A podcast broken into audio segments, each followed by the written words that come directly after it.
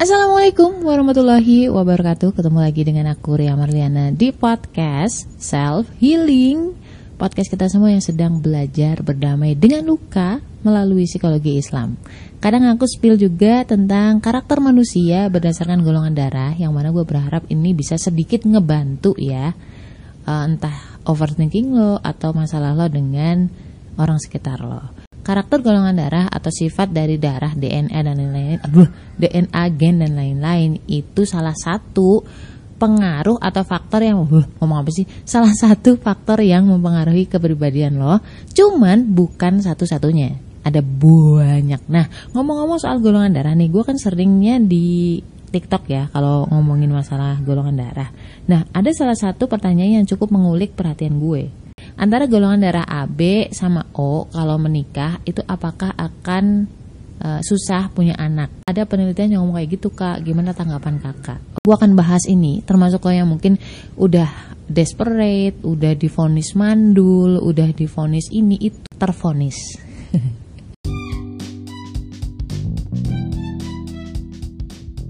Kenapa sih golongan darah B itu pelupa, susah banget ingat nama? Orangnya juga cuek, nggak pekaan, nggak perhatian. Kenapa coba? Bedah itu semua dari buku cerita tentang karakter golongan darah B dengan judul Beauty in a Beast. Order sekarang, link di bio ya. Sebelum gue ngomongin langsung ke pokok permasalahan, gue pasti akan ngomong basa-basi busuk dulu ya. kita harus pahami dulu apa sih sebenarnya penelitian itu, apa sih teori atau fakta ilmiah tersebut ya. Jadi kalau kalian mungkin S1 atau bahkan D3 itu sudah ada yang namanya metode penelitian. Di situ ada sampling ya. Dan sampling itu pun tidak serta merta ditelaah semua hal. Misalkan kayak suhu ya udah suhu doang gitu kan. Atau misalkan sampling itu hanya akan di, di diamati tentang uh, pengaruhnya terhadap humidity atau apalah itulah ya pokoknya gitu. Jadi nggak semuanya dari sampling itu akan dibahas pasti ada scope of worknya. Artinya yang pertama masalah yang tadi golongan darah AB dan O apakah ketika menikah jadi susah punya anak? Yang pertama gue nggak pernah meneliti tentang itu. Toh misalkan nah ini misalkan ada penelitian atau jurnal yang menyatakan itu itu tuh karena mereka merefer merefer tuh apa sih bahasa Indonesia nya cuy mengacu kepada sampling yang dia angkat, yang dia amati.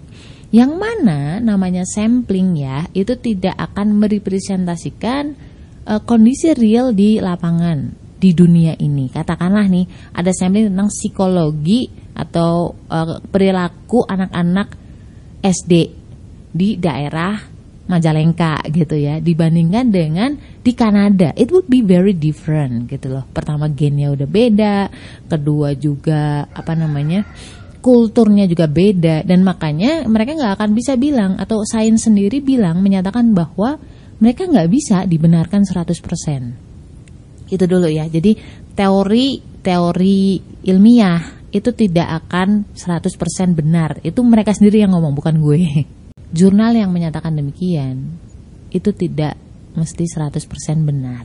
Yang ketiga nih gongnya banget sih sebenarnya. Uh, pernah ada seorang tentara nih, tentara dia parasit, parasit deh, terjun payung. dia terjun payung jatuh dan saat itu mungkin usianya sekitar ya 23-an gitulah, sekitar 23 tahun waktu terjun payung dia jatuhnya nggak kebenaran gitu loh. Dia jatuh guling-guling nah dia cedera di bagian motorik ke bawah menyebabkan akhirnya dia lumpuh dari pinggang ke bawah dia nggak bisa jalan. Kalaupun dia jalan itu harus pakai tongkat bantu waktu itu dokternya bilang bahwa kamu nggak akan pernah bisa berjalan lagi tanpa bantuan.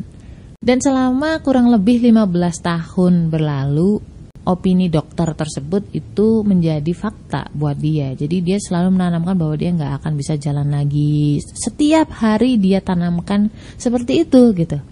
Jiwanya itu udah hopeless duluan, udah demotivasi duluan. Gampangnya tuh udah males duluan kan mau bergerak, mau nyari jalan gitu kan.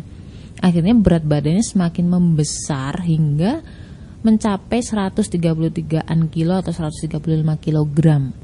Bayangin, selama 15 tahun ya. 15 tahun itu udah anak SMP kali ya.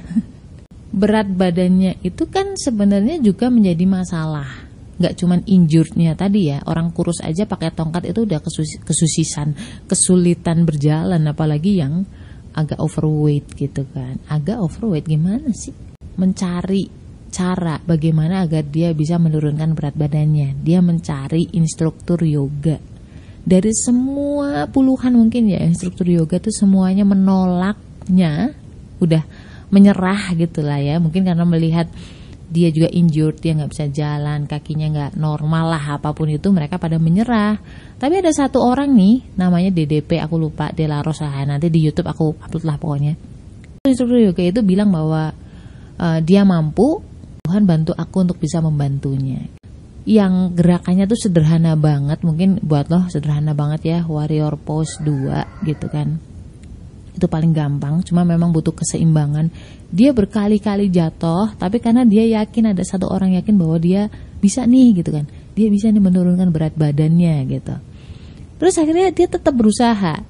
Dan yang gue salut adalah ketika dia mengembrace mengembrace apa sih bersyukur lah alhamdulillah walaupun tuh hal yang sangat-sangat sepele gitu. You know what? Ketika uh, dia biasanya kan jatuh misalkan satu pose dia jatuh. Eh dilala lama-lama tuh dia bisa bertahan tiga detik. Dan buat dia itu sesuatu yang pencapaian yang sangat luar biasa. Masya Allah gitu lah ibaratnya kan.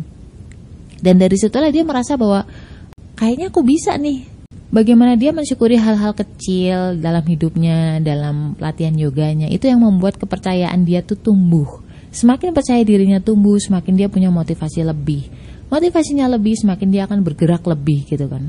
Dan itu kayak bola salju yang baik. Makanya kan kita disuruh bersyukur kan, kata Allah siapa yang bersyukur maka akan aku tambah nikmatku, betul kan? Ada kan kayak gitu. Nah itu korelasinya ke situ. Sekitar 10 bulan dia bisa menurunkan berat badannya kurang lebih uh, 60 kiloan lah. Dan bukan itu aja, dia bisa bahkan gerakan yang sulit-sulitnya kakinya di atas, kepalanya di bawah. Bonusnya yang paling penting adalah dia bisa berjalan kembali bahkan berlari. Kamu bisa lihat videonya di YouTube aku di channel Ria Marliana. TikToknya aku lupa lah pokoknya ada di TikTok. TikToknya si dia DDP itu. Yang gue pelajarin bahwa mindset itu sangat penting sekali mindset, bagaimana cara kita memandang hidup, bagaimana cara kita melihat berprasangka kepada Allah ketika memberikan kita ujian. Jadi buat lo siapa pun yang difonis ini, difonis mandul atau apa pun itu oleh siapa pun lah, itu bukanlah sebuah fakta, tetapi opini berdasarkan apa yang dilihat oleh yang beropini. Carilah satu pihak yang bisa membuat kamu merasa percaya diri. Jangan fokus ke pihak yang negatif karena apa satu orang negatif aja itu udah bisa mempengaruhi kita loh. Kalau misalkan nggak ada orang yang bisa membuat kamu positif, berarti itu saatnya kamu alhamdulillah dan saat inilah aku bisa mencari Allah gitu.